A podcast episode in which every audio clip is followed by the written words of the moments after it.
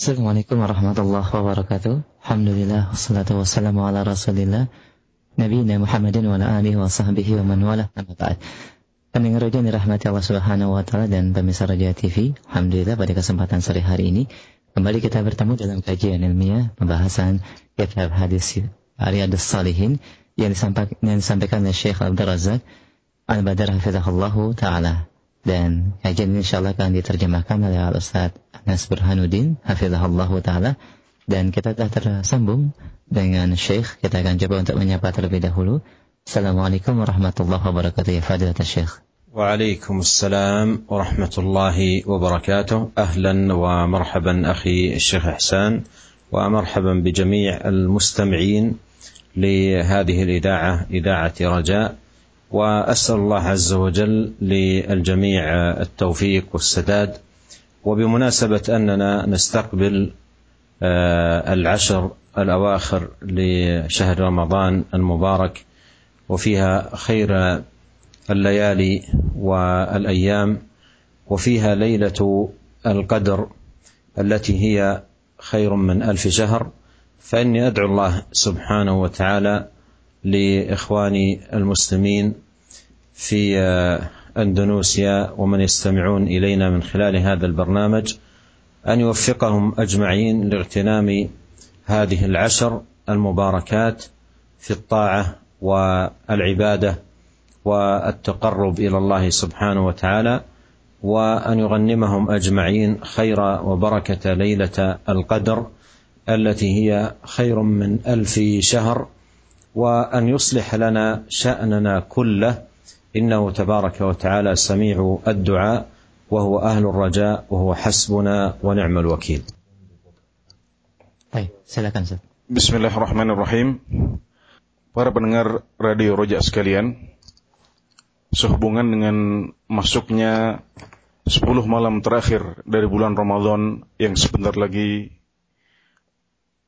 akan kita masuki sehubungan dengan mendekatnya 10 malam terakhir bulan Ramadan yang sebentar lagi akan kita masuki di mana dia adalah eh, malam-malam terbaik sepanjang tahun. Juga dengan mendekatnya Lailatul Qadar yang ada di antara malam-malam yang 10 ini dan kita semuanya sudah mengetahui bahwasanya Lailatul Qadar adalah lebih baik daripada seribu bulan.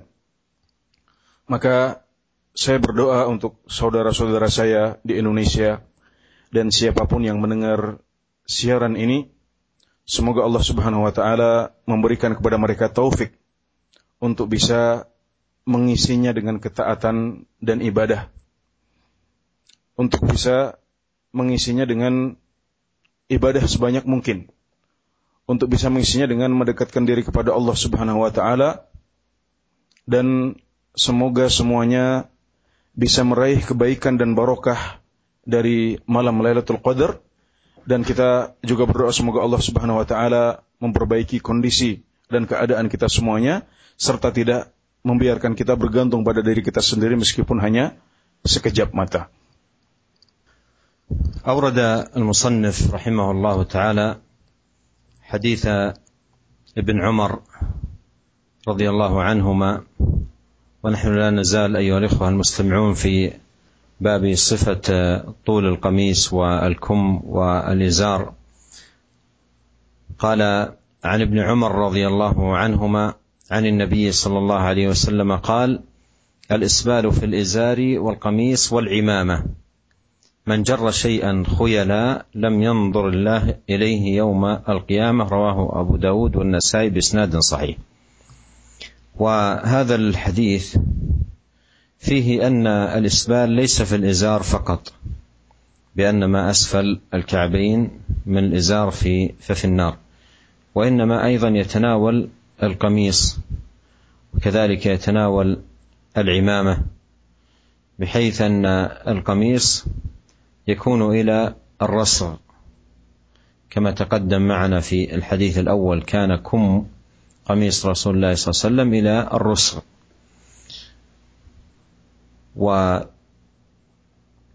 والعمامة أيضا لا تكون بإطالة زائدة لطرفيها وذؤابتها لأن هذا من الخيلاء أن هذا من الخيلاء ولكن يتوسط المرء آه، في ذلك. فالإسبال لا يختص بالإزار والقميص بل يتناول العمامة ويتناول الكم كم القميص Hari ini kita masih uh, ada dalam pembahasan bab panjangnya gamis, lengan baju dan sarung. Ya.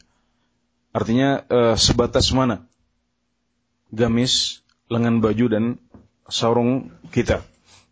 Dan kita telah sampai pada hadis yang diriwayatkan oleh Abu Dawud dan Nasai dengan sanad yang sahih dari Ibnu Umar radhiyallahu anhuma dari Nabi Muhammad sallallahu alaihi wasallam beliau bersabda isbal itu terjadi pada sarung, gamis dan surban.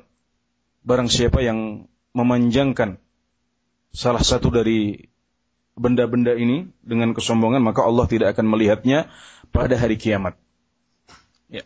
Hadis ini menunjukkan bahwasanya isbal ya, yang dilarang, itu, memanjangkan pakaian yang dilarang itu tidak hanya terjadi pada sarung saja, namun isbal juga bisa terjadi dalam gamis ya. Maksudnya adalah dalam e, lengan baju kita. Dan dalam pembahasan yang lalu telah kita jelaskan bahwasanya lengan baju Rasulullah Shallallahu Alaihi Wasallam itu sampai ke pergelangan tangan. Ya. Demikian juga isbal terjadi kadang-kadang dalam imamah atau sorban, di mana seorang muslim tidak boleh memanjangkan ekor sorbannya, ya, Sorban itu memiliki ekor biasanya.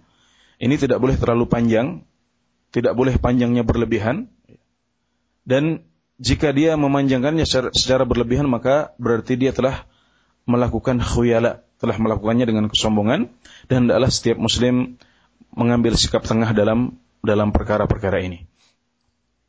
ثم أورد رحمه الله تعالى حديث جر... حديث أبي جري جابر بن سليم رضي الله عنه قال رايت رجلا يصدر الناس عن رايه لا يقول شيئا الا صدروا عنه قلت من هذا قالوا رسول الله صلى الله عليه وسلم قلت عليك السلام يا رسول الله مرتين.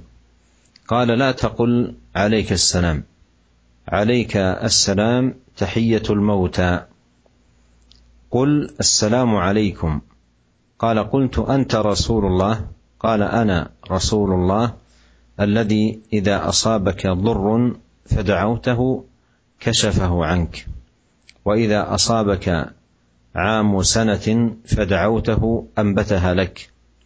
وإذا كنت بأرض قفر أو فلاه فظلت راحلتك فدعوته ردها عليك. قال قلت اعهد لي. قال لا تسبن أحدا. قال فما سببت بعده حرا ولا عبدا ولا بعيرا ولا شاة. ولا تحقرن من المعروف شيئا. وأن تكلم أخاك وأنت منبسط إليه وجهك. إن ذلك من المعروف. وارفع إزارك إلى نصف الساق. فإن أبيت فإلى الكعبين. وإياك وإسبال الإزار فإنها من المخيلة. وإن الله لا يحب المخيلة. وإن امرؤ شتمك وعيرك بما يعلم فيك فلا تعيره بما تعلم فيه فإنما وبال ذلك عليه. رواه أبو داود والترمذي بإسناد صحيح وقال الترمذي حديث حسن صحيح. أيها الإخوة المستمعون الكرام هذا حديث عظيم جدا مليء بالفوائد التربوية والآداب الرفيعة العلية التي تدل على جمال هذا الإسلام وكماله وعظيم صيانته للمرء المسلم في مظهره ومخبره في عبادته لربه سبحانه وتعالى وتعامله مع خلق الله. وأن دين الله سبحانه وتعالى دين تام كامل كما قال الله جل وعلا اليوم أكملت لكم دينكم وأتممت عليكم نعمتي. فجاء الدين المبارك بأكمل الآداب وأعظم الأخلاق وأجمل الهيئات التي يكون عليها المسلم الذي من الله سبحانه وتعالى عليه بأن كان من أهل هذا الدين العظيم المبارك. قال أبو جري جابر بن سليم رضي الله عنه رأيت رجلا يصدر الناس عن رأيه لا يقول شيئا إلا صدروا عنه. قلت من هذا؟ قالوا رسول الله صلى الله عليه وسلم. وهذا أيها المستمعون الكرام فيه كمال الاستجابة لدى أصحاب النبي صلى الله عليه وسلم وحسن الاتباع للنبي عليه الصلاة والسلام فكانوا خير أمة محمد عليه الصلاة والسلام لأنهم خير الناس انقيادا واتباعا وتأسيا بالنبي الكريم عليه الصلاة والسلام. وبلغ مقامهم في هذا الأمر أن قال أن جعلهم الله سبحانه وتعالى قدوة لمن بعدهم. كما قال الله جل وعلا والسابقون الأولون من المهاجرين والأنصار والذين اتبعوهم بإحسان. ولا يزال العبد موفقا قريبا من الخير ما كان متبعا ومؤتسيا بهؤلاء الصحابة الكرام رضي الله عنهم وأرضاهم. فانظر إلى حالهم فيما يصفه جابر رضي الله عنه. قال لا يقول شيئا إلا صدروا عنه. لا يقول شيئا إلا صدروا عنه. أي أنهم منقادون تمام الانقياد ليس عندهم تردد. ولا يقع عندهم في نفوسهم حرج. وإنما هم مستجيبون تماما.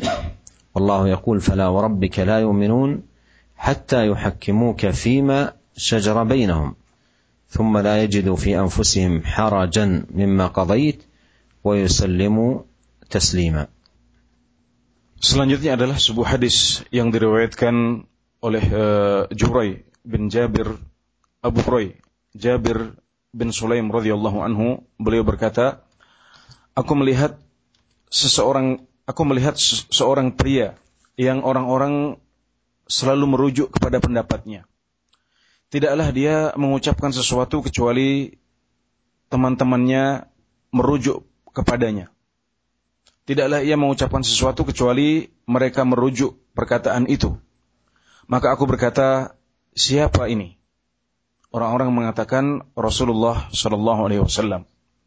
Maka aku berkata, Alaikassalamu ya Rasulullah. Atas engkau salam wahai Rasulullah dua kali. Maka beliau mengatakan, La taqul alaikassalam. Jangan engkau mengatakan alaikassalam karena alaikas salam itu adalah salam orang-orang yang sudah meninggal. Katakanlah assalamu alaik. Katakanlah assalamu alaik. Ya dibalik bukan alaikas salam tapi assalamu alaik. Kemudian aku berkata, apakah kamu Rasulullah? Maka beliau mengatakan, saya adalah Rasul dari Allah yang jika engkau tertimpa musibah, kemudian engkau berdoa kepadanya, maka dia akan mengangkatnya darimu. Jika engkau mengalami paceklik, kemudian engkau berdoa kepadanya, maka dia akan menumbuhkan tanaman untukmu. Dan jika engkau berada di sebuah tanah yang gersang dan kosong, kemudian tungganganmu hilang, lantas engkau berdoa kepadanya, engkau, dia akan mengembalikan tunggangan itu untukmu. Dia akan mengembalikan tunggangan itu kepadamu. Maka aku berkata kepadanya, berilah aku wasiat. Maka beliau pun berkata, janganlah engkau mengumpat seorang pun. Janganlah engkau memaki seorang pun. Maka aku pun tidak pernah memaki siapa pun, baik itu orang yang bebas, seorang budak seorang budak belian, juga tidak pernah aku mengumpat binatang. Tidak itu unta, tidak pula kambing. Kemudian beliau mengatakan, dan janganlah engkau mengejek kebaikan sedikit pun. Jangankah, janganlah engkau menganggap kecil atau meremehkan kebaikan, meskipun itu hanya sedikit. Janganlah dan hendaklah engkau berbicara kepada saudaramu dalam keadaan berseri-seri. Dalam keadaan engkau memberikan wajah yang berseri-seri kepada saudaramu itu. Sesungguhnya itu termasuk kebaikan. Angkatlah sarungmu sampai setengah betis. Dan jika engkau enggan untuk mengangkatnya setengah betis, maka hendaklah engkau mengangkatnya sampai di atas kedua mata kaki. Hindarilah olehmu isbal, memanjangkan sarung atau celana panjang, karena sesungguhnya dia termasuk kesombongan. Sesungguhnya Allah tidak menyukai kesombongan, dan jika ada seseorang yang mencacimu atau mencelamu dengan aib atau keburukan yang dia ketahui ada padamu, janganlah engkau mencacinya dengan keburukan yang engkau ketahui ada pada dirinya. Sesungguhnya akibat buruk perbuatan itu akan menimpa dia. Ini hadis riwayat Abu Dawud dan Tirmidzi dengan sanad yang sahih. Hadis ini merupakan sebuah hadis yang agung yang penuh dengan berbagai faedah dalam hal pendidikan juga berisi banyak hal tentang adab-adab yang agung yang mengajarkan kepada setiap muslim untuk menjaga penampilan dan akhlaknya, untuk menjaga untuk melakukan cara yang baik dalam beribadah kepada Allah Subhanahu wa taala dan dalam bergaul dengan sesama manusia. Ya. Hadis ini menunjukkan bahwasanya Islam kita adalah agama yang lengkap dan sempurna. Sebagaimana disebutkan sebagaimana difirmankan oleh Allah Subhanahu wa taala dalam ayatnya, pada hari ini telah aku sempurnakan untuk kalian agama kalian dan telah aku lengkapkan untuk kalian nikmatku. Ya, hadis ini menjelaskan kepada kita tentang adab-adab terbaik dan penampilan-penampilan terbaik yang perlu ditiru oleh setiap muslim. Dalam hadis ini disebutkan bahwasanya Abu Jurai Jabir bin Sulaim radhiyallahu anhu berkata, "Aku telah melihat seorang pria yang orang-orang senantiasa merujuk kepada pendapatnya." Tidaklah dia mengucapkan sesuatu kecuali mereka merujuk pada ucapan itu. Hal ini menunjukkan tentang sempurnanya istijabah, ya. sempurnanya para sahabat dalam meneladani Nabi Muhammad SAW. Ya, mereka adalah umat terbaik, mereka adalah generasi umat Islam yang terbaik karena mereka adalah yang paling bagus dalam mencontoh dan meneladani beliau serta mentaatinya sebagaimana dipuji oleh Allah Subhanahu wa taala dalam sebuah ayat dan orang-orang yang masuk Islam terdahulu dari kalangan muhajirin dan ansar dan yang mengikuti mereka dengan kebaikan. Ya. Jadi para sahabat dipuji dalam ayat ini dan Allah juga memuji orang-orang yang mengikuti mereka dengan kebaikan. Maka eh, sesungguhnya manusia masih akan tetap berada dalam kebaikan selagi dia masih mengikuti dan mencontoh para sahabat yang mulia ini.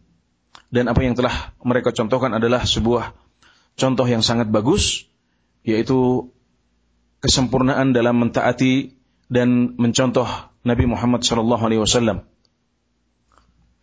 الفائدة الثانية قوله قلت عليك السلام يا رسول الله مرتين قال لا تقل عليك السلام عليك السلام تحية الموتى.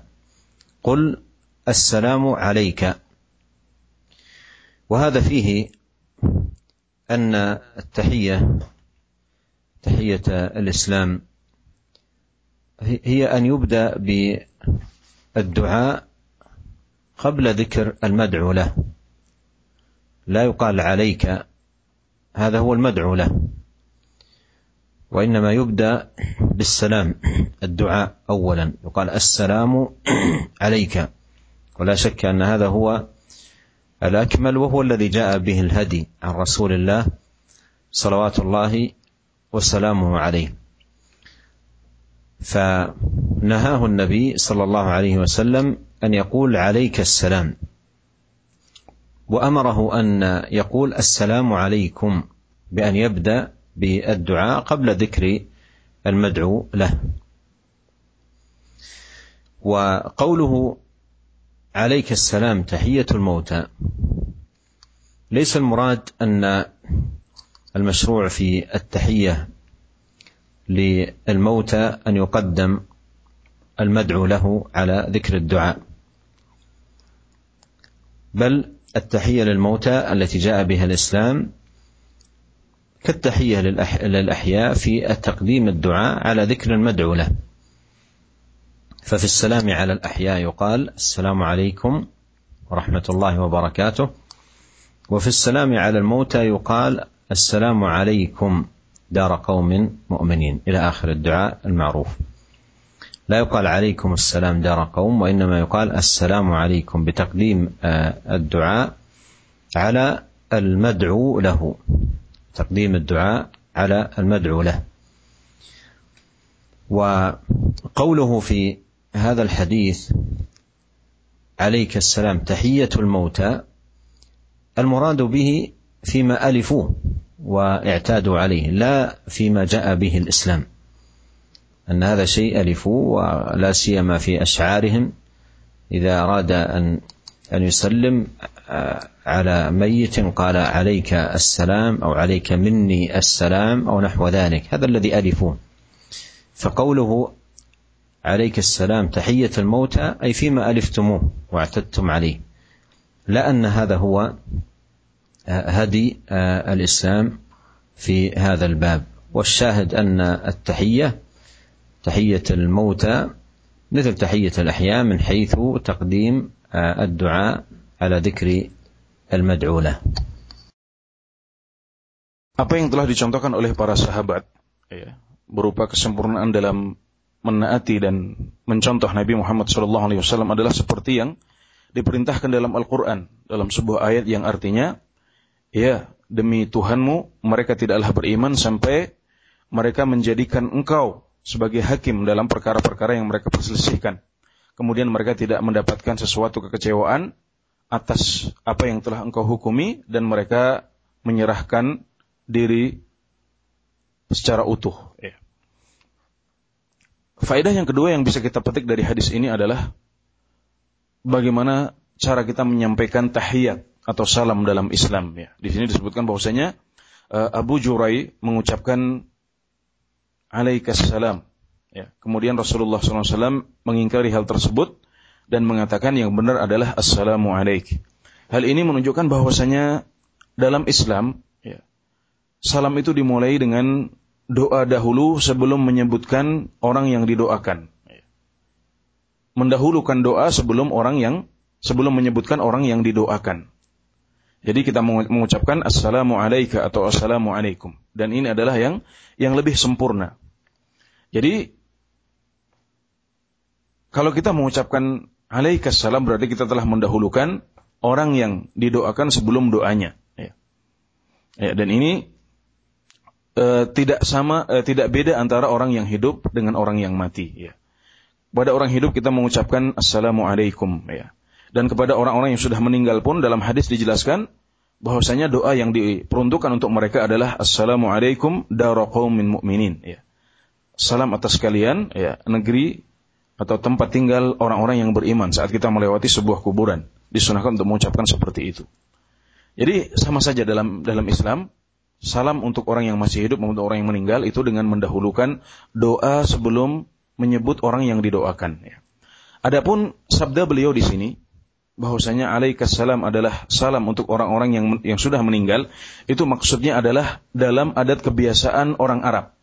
Ya, sebelum datangnya Islam. Jadi mereka dalam kebiasaan mereka sehari-hari ya dalam syair-syair mereka, mereka biasa mengucapkan misalnya alaika minni assalam ya.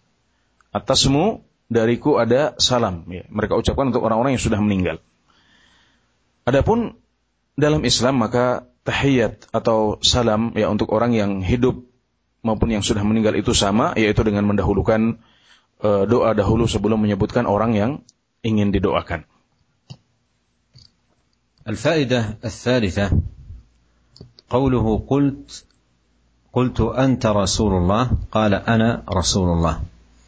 وهذا فيه فائدة عظيمة وهي تواضع النبي صلى الله عليه وسلم وأنه في هيئته ليس متميزا عن الصحابة بلباس معين أو هيئة معينة أو مكان خاص في آه، الجلوس.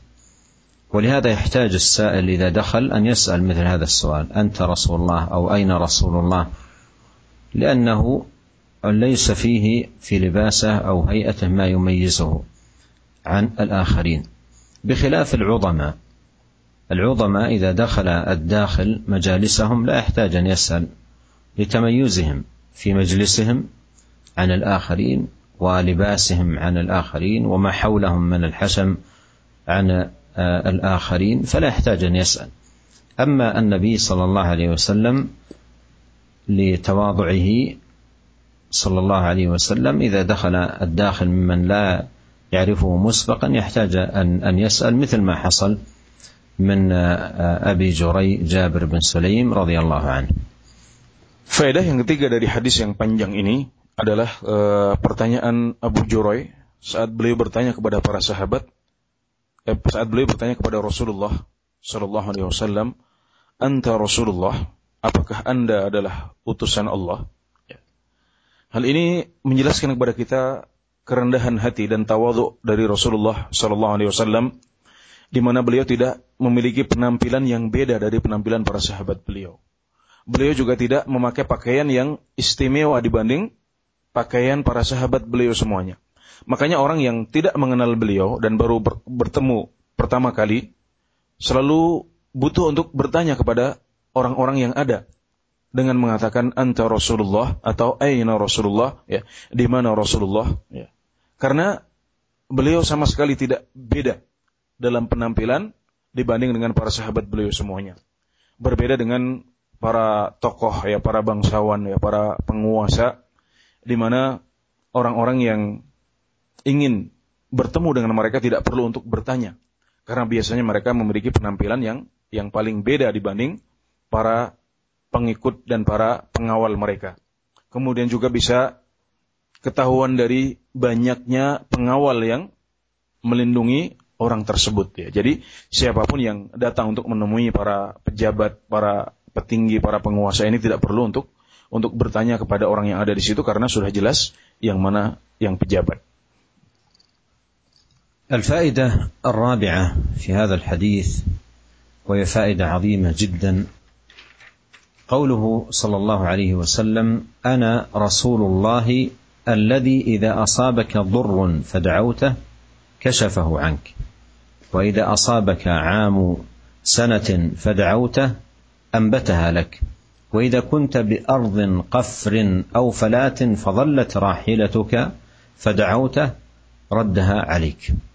وهذا فيه مقام التوحيد العظيم الذي هو أعظم الأمور وأجلها على الإطلاق وأن العبادة ومنها الدعاء حق لله سبحانه وتعالى وحده لا يلتجأ إلا إليه والنبي صلى الله عليه وسلم رسول من هذا شأنه سبحانه لا يملك شيئا صلوات الله والسلام عليه وليس بيده من الأمر شيء لا في كشف الكربات ولا في إغاثة اللهفات ولا في إجابة الدعوات ولا في آآ آآ تفريج الهموم ولا غير ذلك.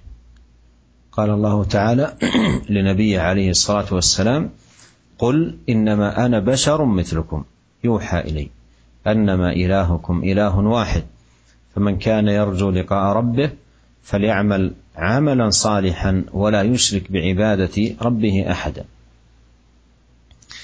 ومع هذا فإنك ترى في بعض الغلاة عندما يصف النبي صلى الله عليه وسلم يقول في وصفه كاشف الغمة ومغيث المستغيثين ومفرج الكربات أو نحو ذلك من الأوصاف التي هي ليست إلا لله وهو صلوات الله وسلامه عليه رسول من هذا شأنه. وهو صلوات الله وسلامه عليه رسول من هذا شأنه وليس له من الأمر شيء. ولهذا عرف نفسه صلى الله عليه وسلم بأنه رسول من هذا شأنه. قال أنا رسول الله الذي إذا أصابك. ضر فدعوته كشف عنك. وإذا أصابك عام سنة أي جد وقحط فدعوته أنبتها لك. وإذا كنت بأرض قفر أو فلات فظلت راحلتك فدعوته ردها عليك. أي أن هذا الأمر كله بيد الله سبحانه وتعالى. وأما النبي صلى الله عليه وسلم فليس بيده من ذلكم شيء وإنما الأمر كله بيد الله سبحانه وتعالى فهذا الموضع من الحديث فيه من فقه التوحيد الذي هو اعظم الأمور واجلها على الاطلاق ما لا يخفى.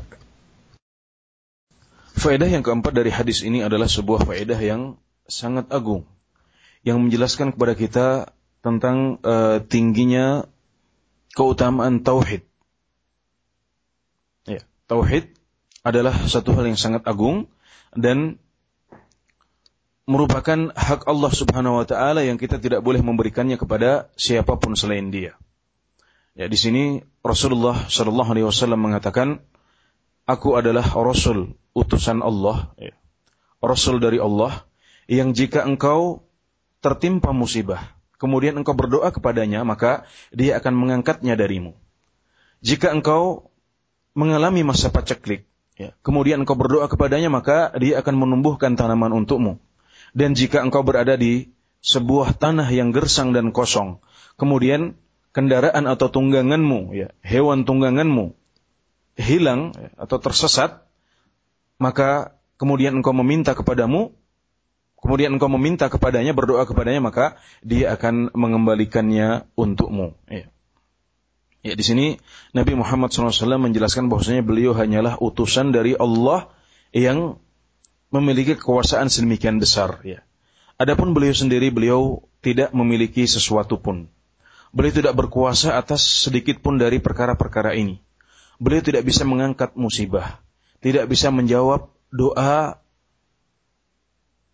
umat beliau dan juga tidak bisa menghilangkan kesedihan dari hati umat manusia. Sebagaimana dikatakan oleh Allah Subhanahu wa taala ya dalam sebuah ayat yang artinya katakanlah sesungguhnya aku adalah manusia seperti kalian yang diwahyukan kepadaku bahwasanya Tuhan kalian adalah Tuhan yang Maha Esa. Maka barang siapa yang berharap untuk bertemu dengan Tuhannya, hendaklah dia beramal amalan yang saleh dan tidak menyekutukan Allah Subhanahu wa taala dengan sesuatu pun ya. Maka sungguh aneh kalau ada orang-orang yang datang ke kuburan beliau misalnya dengan mengatakan engkau adalah pengangkat musibah, engkau adalah penolong orang-orang yang meminta pertolongan dan engkau adalah orang-orang yang dan engkau adalah yang bisa mengangkat kesedihan dari hati kami ya. Rasulullah SAW tidak seperti itu. Beliau tidak memiliki kuasa seperti itu. Dan beliau di sini mengatakan terus terang bahwasanya aku adalah Rasul dari Allah ya, yang memiliki sifat yang sudah disebutkan tadi itu. Ya, ya ini adalah uh, pengajaran yang sangat gamblang dan sangat jelas tentang tauhid dan keagungannya dan bahwasanya dia tidak boleh diberikan kecuali hanya untuk Allah Subhanahu wa taala saja. Al-faidah al-khamisah في قول أبي جري رضي الله عنه قلت اعهد لي أي أوصني بوصية جامعة تعهد لي بها وواظب عليها وأحافظ عليها. وهذا فيه حرص الصحابة رضي الله عنهم وأرضاهم على الخير وحرصهم على الإفادة من النبي صلى الله عليه وسلم وأخذ الوصية منه صلوات الله وسلامه عليه. Faedah yang kelima dalam hadis ini adalah uh, perkataan Abu Jurai, "I'had ilayya," ya, yang artinya berilah saya wasiat. Maksud beliau, beliau ingin meminta wasiat dari Nabi Muhammad sallallahu alaihi wasallam sehingga setelah itu beliau bisa mengamalkan wasiat tersebut dan terus-menerus mengerjakannya. Hal ini menunjukkan bahwasanya para sahabat termasuk Abu Jurai di sini sangat bersemangat dalam menimba faedah ya, dalam menimba ilmu dari Nabi Muhammad SAW dan meminta wasiat untuk memperbaiki uh, keadaan dan kehidupan mereka semuanya. الفائدة السادسة من فوائد هذا الحديث قال قال لا تسبن أحدا لا تسبن أحدا وهذه فائدة عظيمة جدا وهي تعد من الجوامع في باب الوصايا. وأوصاه النبي صلى الله عليه وسلم بل بدأ بهذه في جملة الوصايا الآتي ذكرها مما يدل على أهمية صيانة اللسان وحفظه من السباب والشتائم وأن المسلم ينبغي عليه أن يتجنب ذلك تماما. وقد جاء في الحديث عن نبينا صلى الله عليه وسلم أنه قال ليس المؤمن بالطعان ولا اللعان ولا الفاحش ولا البذيء. وجاء عنه صلوات الله وسلامه عليه أنه قال لا تلاعنوا بلعنة الله ولا بغضب الله ولا بالنار. والأحاديث في هذا المعنى كثيرة. فالإسلام جاء بالنهي عن ذلك وبيان أن ذلك ليس من صفة المؤمن بل ينبغي على المؤمن أن يتجنب اللعن والشتم والسباب. وبعض الناس مع أبنائه وأولاده وأهل بيته ومن يتعامل معهم يبادر إلى سبهم وشتمهم ولعنهم. وهذا مما نهى عنه الإسلام وحذر منه كما في هذا الحديث وغيره من الاحاديث عن رسول الله صلوات الله وسلامه عليه Faedah yang keenam adalah uh, dari sabda Nabi Muhammad SAW saat memberikan wasiat kepada Abu Jurai ketika beliau mengatakan la tasubbanna ahadan janganlah engkau memaki atau mengumpat seorang pun ini adalah salah satu perkataan Nabi Muhammad SAW yang pendek tapi syarat dengan makna. Ya. Yang pendek tapi syarat dengan makna. Dan ini dijadikan sebagai awal wasiat Nabi Muhammad SAW. Makanya hendaklah setiap Muslim berusaha untuk menghindarkan hal ini sebisa mungkin.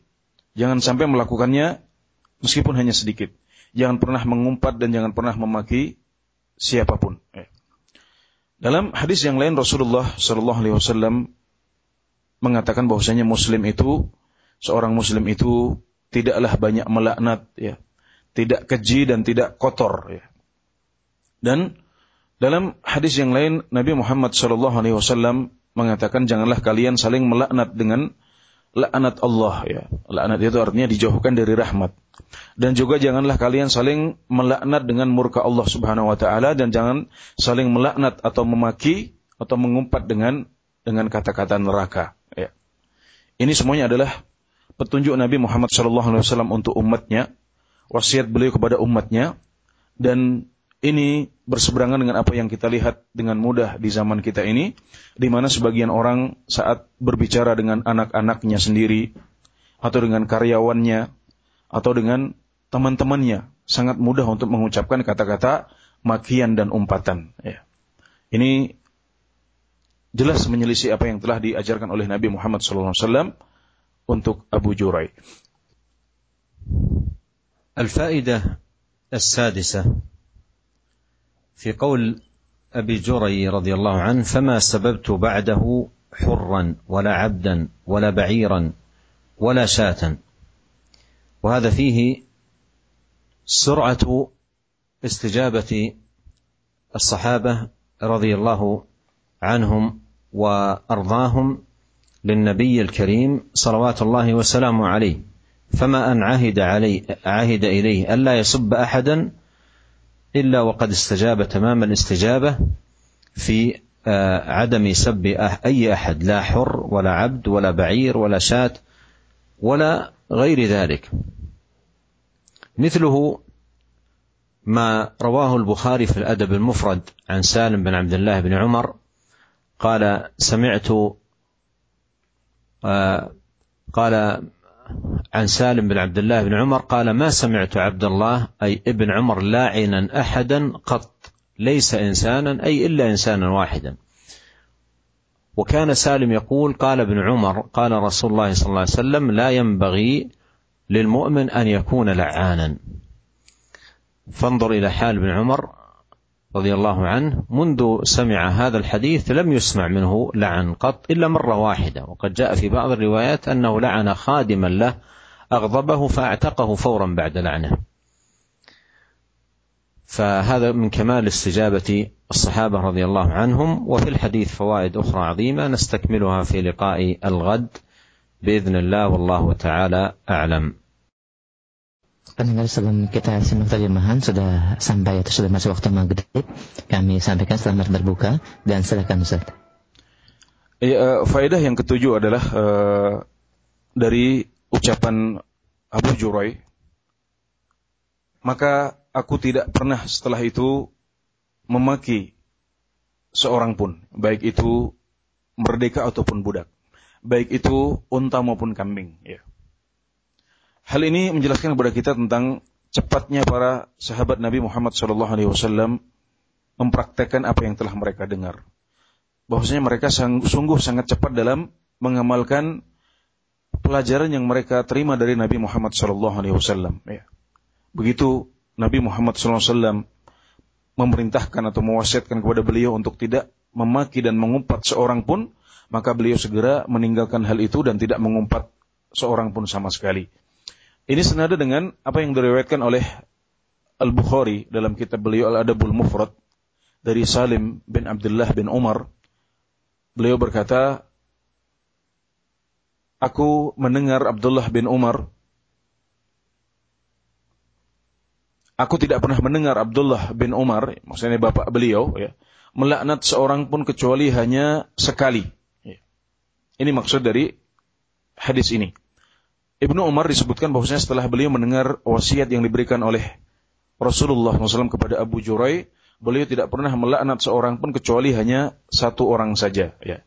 Dan dalam riwayat yang lain disebutkan bahwasanya satu orang ini adalah seorang pembantu atau seorang budak beliau yang telah membuat beliau naik pitam. Dan setelah beliau melaknat uh, budak ini, Ibnu Umar segera membebaskan budak tersebut. Ya. Dan dalam hadis ini masih terdapat berbagai faedah yang lain yang sangat besar dan kita akan uh, selesaikan pembahasan itu pada pertemuan yang akan datang insyaallah. Demikian wallahu taala alam.